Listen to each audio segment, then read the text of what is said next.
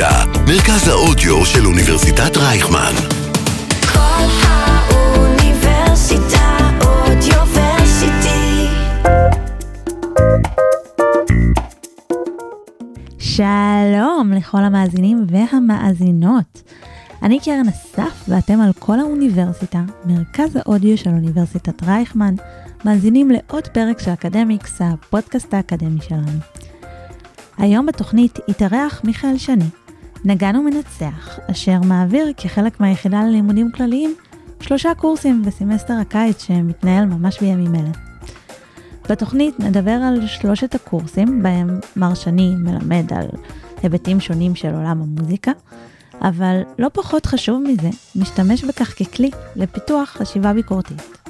מקווה שסקרנתי אתכם. מעברון ומתחילים. אקדמיקס. אקדמיה בגובה העיניים. עם קרן אסף. אז אה, שלום אה, מיכאל שני מהיחידה ללימודים כלליים, מה שלומך? שלום, תודה רבה, קרן. אה, אולי לפני שנדבר על הקורסים שאתה מעביר כאן, נתחיל ולדבר עליך. אתה מגיע, בבקשה. אתה מגיע מהפרקטיקה, נגן, מנצח, ניצחת, ניצחת באמת על רוב התזמורות הגדולות בישראל, וכאן אתה מלמד באופן אה, תיאורטי.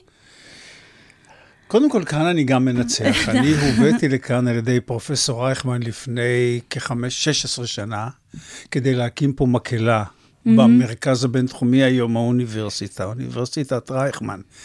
והקמנו כאן מקהלה בזמן הזה, והמקהלה הזאת חיה ונושמת ובועטת וקיימת, ואני עובד איתה במשך שנה שלמה, שני סמסטרים, אושר גדול מאוד.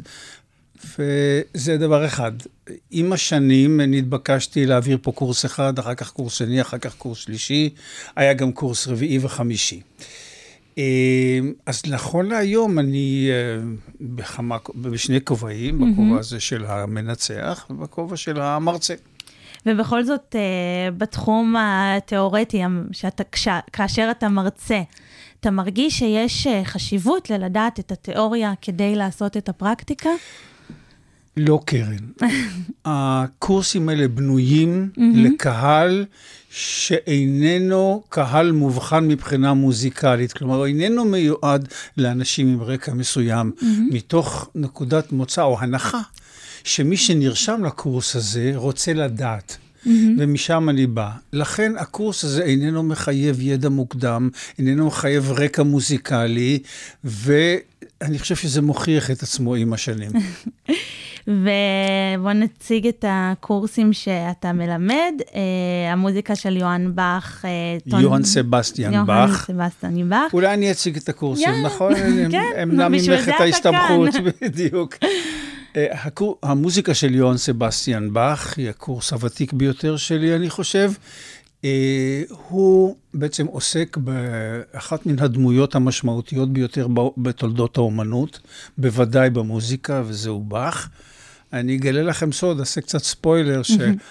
אה, בשיעור הראשון אני מתחיל מזה שאני מנסה לשכנע את הסטודנטים, אני גם אומר להם, למה לא צריך ללמוד באך? אוקיי, למה? ואני חושב שהם משתכנעים אחרי כמה דקות, משום שבאך לא חידש שום דבר, באך לא המציא שום דבר, אין שום פטנט מוזיקלי שרשום על באך, אז למה ללמוד אותו? יש כאלה שכן יש אה, אה, פטנטים מוזיקליים שרשומים על שמם, כמו למשל היידן, אבי הסימפוניה וכולי. ומיד אחרי זה אני משכנע אותם למה חייבים ללמוד באך. אוקיי. וזה כבר uh, סיפור אחר לגמרי, משום שבאך uh, הוא סוג של קומפוזיטור שנקרא לו אנציקלופדיסט. כלומר, הוא עוסק בכל הז'אנרים, ובכל ז'אנר שהוא כותב בו מוזיקה, הוא משכלל אותו לרמת השכלול הגבוהה ביותר שאדם מסוגל להגיע, mm-hmm. ועוד ספוילר, גם מחשב. אה, ניסו לעשות תוכנות, יש תוכנה יפנית שנקראת באך, שאתה זורק נכון. כמה צלילים, והיא אמורה להמשיך את זה בסגנון פוגה או בסגנון כזה. זה עובד מצוין, רק כששומעים את זה, זה לא מעניין. אוקיי. אז... וזה גם לא מרגש. אז זאת אומרת, התוכנה הזאת יודעת רק לחבר צילים, אבל לא לחבר מוזיקה. ומה בבאך מלחין מה... מה... באך, אה, באך בעצם השפיע השפעה עמוקה על כל אלה שבאו אחריו. גם כאלה שהתרחקו ממנו, כי הם הבינו שהם לא הצליחו לחקות אותו, ולא הצליחו לכתוב ברמה שהוא כתב. אבל מעבר לזה, הטכניקות של כתיבה מוזיקלית, של קומפוזיציה, של המון מבנים מוזיקליים, הבסיס שלהם הוא באך.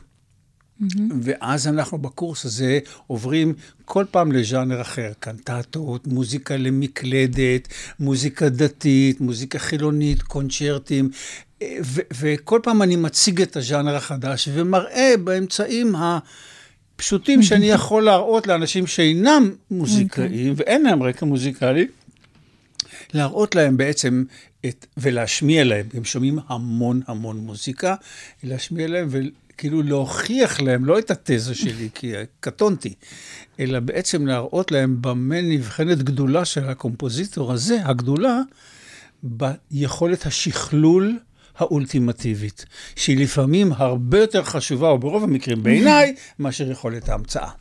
איך אה, המוזיקה של באך משפיעה ממש עד היום על...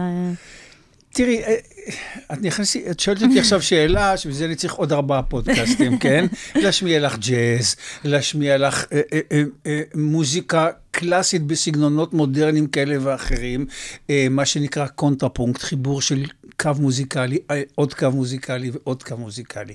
אלה שמנסים לכתוב פוגות, כלומר, שבהם הקולות רודפים אחד אחרי השני, ויש הרבה מאוד אלמנטים שאנחנו פוגשים את העקבות של באך בהם. וחוץ מהמוזיקה של באך, אתה מלמד גם עוד קורס כאן אה, על טלנובלות. כן, זה קורס שהוא בעצם לא אמור היה להיות קיים, אבל אני החלטתי שהוא יהיה קיים. אוקיי. ואני עושה שידוך בין שתי, אה, שני ז'אנרים, שתי סוגות, שכאילו לא אמורים לחבר ביניהם, האופרה והטלנובלה. זה נשמע ממש הפוכות מהדבר הכי טראשי בבית לאומנות הגבוהה עם הלבוש וה... אז בואי נתחיל מזה שאנחנו בקורס עוסקים גם בדומה וגם בשונה, אבל המעניין הוא הדומה. הדומה שאלו שתי דרמות. האחת היא דרמה מוזיקלית, שזה האופרה, והשנייה היא דרמה טלוויזיונית. ויש עוד הרבה הבדלים באלמנטים, למה קוראים לזה אופרת סבון? הרי טלנובלה מתחילה בכלל מאופרת סבון. כלומר, המושג הזה, אופרה, לקוח מתוך הדבר הזה. אופרת סבון. תשאלי למה סבון? למה סבון? משום שההתחלה של הז'אנר הזה הייתה בכלל ברדיו. אוקיי. ברדיו בארצות הברית בשנות ה-30. כשהבינו שיש קהל גדול שאין לו תוכניות משלו, בעיקר קהל נשי של עקרות בית, שבתקופה ההיא, שנות ה-30 וה-40, לא יצאו לעבוד, רובן נשארו בבית, עשו כביסות, עשו כלים, עשו ספונג'ה, ולכן עשו להם תוכניות של דרמה רדיופונית עם פרסומות לחומרי ניקוי. בגלל זה סבון. סבון, בדיוק.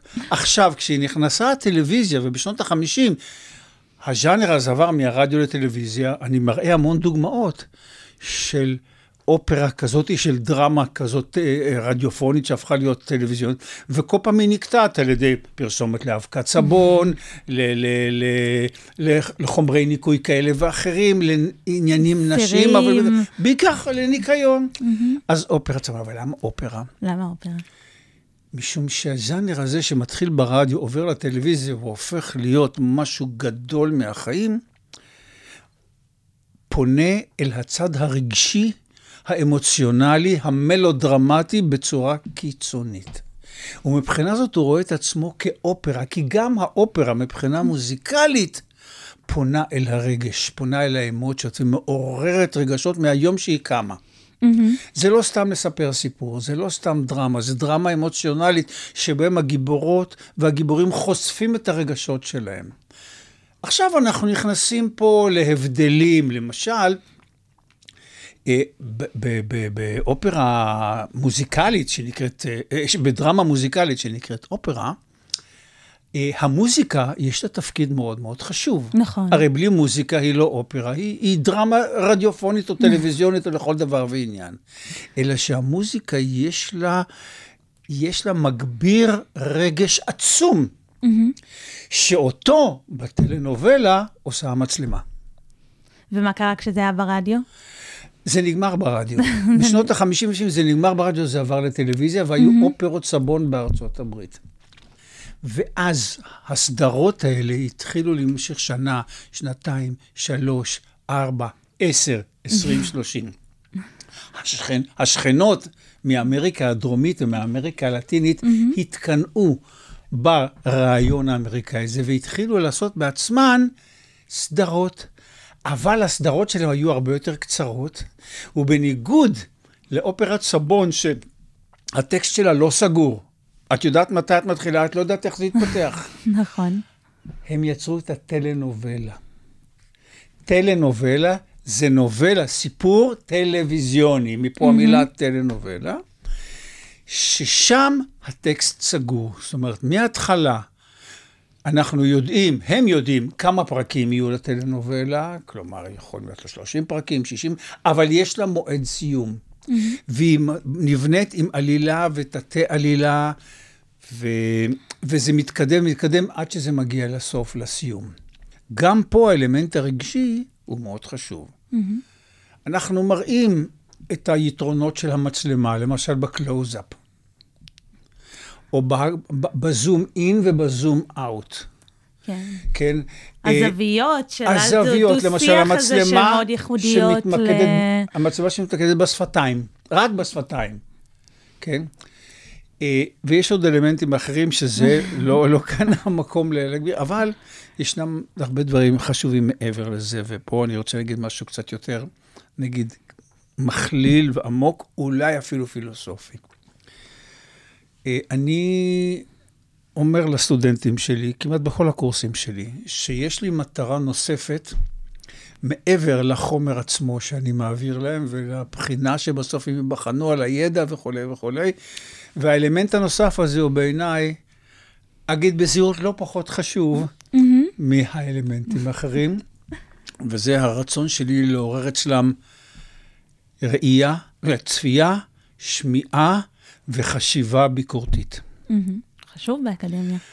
מאוד, בחיים בכלל, חשיבה ביקורתית. למה? אני אומר, כי מה שקרה עם הטלנובלה הוא דוגמה פנטסטית להתמכרות. אנחנו בודקים את הסיבות להתמכרות. אני מציג מחקרים שנערכו על ידי סוציולוגים חברתיים, ומראים מה הסיבות להתמכרות לטלנובלה, לאו דווקא בגילאים מסוימים, וההתמכרות הזאת משרתת את הצרכים של המפיקים ושל היוצרים, משום שהעניין הוא מסחרי, כמו, כמו מוכרי הסיגריות, כמו מוכרי משקאות שיש בהם, יש בהם אה, מרכיבים אה, אה, ממכרים. ממ- ממכרים. ואנחנו בודקים את העניין הזה, ואנחנו מראים דוגמאות, ואנחנו משווים, ואנחנו גם מנהלים שיח ואיזשהו דיאלוג אה, בכיתה עצמה. בשנתיים האחרונים זה היה מאוד מאוד קשה, משום שבתקופת הקורונה אני לימדתי בזום, או, או בחלקית בזום וזה, ולא היה כל כך פשוט לנהל את הדיונים האלה, אבל הפעם הקורס הוא בכיתה מתנהל, ואני מאוד מקווה שבאמת אה, נצליח.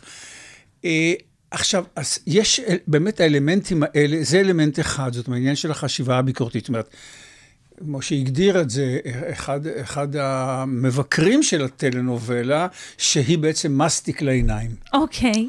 תראה, אני אוהב את זה ההגדרה. דימוי... אה, כן. נכון, יפה. עכשיו, אני אבל מעבר לזה, תמיד, בחשיבה ביקורתית, תמיד צריך להראות גם את הצד השני. אם אני אה, מראה מחקרים על נושא של ההתמכרות והשתעבדות ו- וכולי, יש אנשים בארצות מסוימות, רבות, מדובר על מאות מיליונים שצופים, שמשתתפים השתתפות פעילה, כלומר, הם כותבים מכתבים לגיבורים, לדמויות. לדמויות, לא לשחקנים. תיזהרי, הוא זומם עלייך, תתרחקי ממנו. כל מיני כאלה, זאת אומרת, הם כל כך מעורבים בעניין הזה. אז זה לגבי הטלנובלה, אבל בצד שני, האופרה, באופרה המדיום הוא שונה לגמרי. המדיום הוא עלילה שיש לה התחלה, אמצע וסוף. היא בנויה במתכון של דרמה תיאטרלית, זה תיאטרון. בתיאטרון הזה, אה, יש לו מטרות מכל מיני סוגים. לא, לא ניכנס לזה עכשיו, אני נכנס לזה ב, מקום. ב, ב, בזה. אבל אני מראה שוב, כמו שאמרתי, גם את הדומה וגם את השונה. יש גם כלפי האופרה ביקורת. שהיא בומבסטית, שהיא מתנפחת, שהיא משתמשת בתלבושות מופרזות. גם המרחק, זאת אומרת, אם אתה מדבר על לשלוח מכתב לדמות, זה בדיוק ההפך מהאופרה כן. שרואים עם משקפיים עכשיו, ומרחוק. ו- עוד הבדל מאוד מאוד חשוב, למשל, בטלנובלה, אם הפסדת פרק או שניים, אין דבר. בהתחלת הפרק הבא, יסבירו לך מה. יסבירו לך מה היה בפרקים הקודמים, גם מבלי שיהיה כתוב בפרקים הקודמים. זאת אומרת, אתה יכול להצטרף בכל רגע. באופרה, אם אתה לא יודע את העלילה מראש, אתה בבעיה. בשביל שברוב המקרים אנחנו חושבים אופרה בשפה שאנחנו לא מבינים. נכון. היום כבר יש כתוביות, יש תרגומים וכולי וכולי. אבל אני ככה זורק לך ככה כל מיני, אה, נגיד, רעיונות כאלה ואחרים, של להבין איך, איך אני אה, מאמת בין שני הז'אנרים האלה. ודבר אחרון שאני רוצה להגיד, בהקשר של, ה, אה, של האופרה וטלנובלה, אני מדבר לא מעט על ההשפעות החברתיות והפוליטיות שיש לטלנובלה. אוקיי. במיוחד בכל מה שקשור לסופט פאוור, שזה מונח מתחום היחסים הבינלאומיים, מה שנקרא עוצמה רכה. ארצות מסוימות, כמו ברזיל, כמו טורקיה, כמו קולומביה, ואחרות, שמייצרות טלנובלות שיש להן פופולריות עצומה, משפיעות השפעה גורפת על האוכלוסיות שצורכות את הטלנובלות האלה. למשל, ההשפעות של הטלנובלות הטורקיות על האמירויות או על סעודיה היא עצומה, ואני מראה פסקי דין שניתנו, ואני מראה למשל איך מעמד הנשים השתנה בארצות האלה בעקבות צפייה בטלנובלה. זאת אומרת, זה לא רק מסטיק לעיניים, זה, זה גם איזשהו אה, מזון אה, לפרוגרסיה חברתית. אה, האופרה, היה לה תמיד קשר כזה או אחר, גם לאירועי עבר, אבל גם להתייחסות לאירועים ו- ו- ולמציאות אה, אה, קיימת. למשל, באופרות של מוצרט, אה, ישנה ביקורת חברתית מאוד נוקבת כלפי המעמד הגבוה האצילים. למעמד הזה היו זכויות יתר. למשל, אדון שיש לו אה, ארמון ויש לו אישה, ואולי יש לו גם ילדים, אבל יש לו המון משרתות ומשרתים. יש לו את זכות הלילה הראשון. כלומר, אם אחת המשרתות שלו מתחתנת, הלילה הראשון, הזכות היא של האדון על הכלה הטריה, לא של הבעל. היום אה, זה, זה נשמע מחריד, אבל... אה, אוקיי. ובאופרות של מוצרט יש טיפול בנושא הזה. למרות שמי שראה את האופרה היו יותר... מי שראה אותו זה רק כבידור, כן, מנסים, בסוף מסדרים אותו ועובדים עליו וזה, אה, וכולי וכולי. אבל, זאת אומרת, יש הרבה מאוד נושאים שאני מטפל בהם, כי גם הטלנובלה עוסקת לא פעם ולא פעמיים, ב, לא בדיוק במציאות, אלא ב... בוא נגיד ככה, בעוולות היסטוריות, כמו למשל העבדות בברזיל. או התקופה הקולוניאלית בברזיל, ששם הפורטוגלים שעבדו את השחורים הברזילאים בצורה גורפת, ואנחנו, והם, והטלנובלה הזאת עוסקת בזה. או אה, בכלל העבדות מאוד מאוד אה, נוכחת בחלק מהטלנובלות שבא, שעושים בעולם. זה באופן כללי לגבי הקורס הזה. יש לך שאלות? כן, איך, איך מאזנים בעצם בין האסקפיזם, אה, תוך כדי הניקיונות, כל הדברים האלה, אה, או, או גם אם הולכים אה, להיכל האופרה, באים לרכוש בידור לבין מסרים כל, מאוד מאוד עמוקים. תראי, אמרת מילה מאוד מאוד חשובה שהיא מאוד נוכחת בקורס שלי, mm-hmm. של אופרה וטלנובלה. דיברתי קודם על הסיבות להתמכרות, אחת מהן היא אסקפיזם, אולי החשובה ביותר. אני מדבר בעיקר על המחקרים של הרטה הרצוג, סוציולוגית חברתית, שמונה 11 סיבות להתמכרות, אבל אני, אנחנו מתמקדים בחמש העיקריות, אני לא אגיד לך אותה עכשיו, אבל אסקפיזם היא אחת מהן. עכשיו, אסקפיזם מסתבר כסוג של צורך אנושי מסוים, לא אולי של כל בני אדם, אבל צורך, או, או בעצם מפלט מקום מסתור, מקום מחבוא לאנשים שלא מסוגלים להתמודד עם המציאות ומייצרים לעצמם תחליף מציאות ממה שהם רואים mm-hmm. בטלנובלה. הטלנובלה היא תחליף מציאות. נכון. אז זה בהחלט. איך מסתדרים? מסתדרים. אה, עכשיו, טלנובלה הפכה לתעשיית ענק, תעשייה שמוכרת ותעשייה... ויש הרבה רעיונות עם יוצרים, עם שחקניות ושחקנים. אה, נורא מעניין, תבואי. אה, טוב, אני חושבת שעם האמרה הזאת אה, אנחנו נסיים את החלק הזה, אבל אה, מיכאל שני, אתה נשאר כאן איתי, ומיד אחרי המעברון אנחנו נמשיך ונדבר על הקורס הנוסף שאתה מלמד, אה, טון שלטון, הקשר בין אה, מוזיקה לפוליטיקה. ממליצה לכם להישאר איתנו.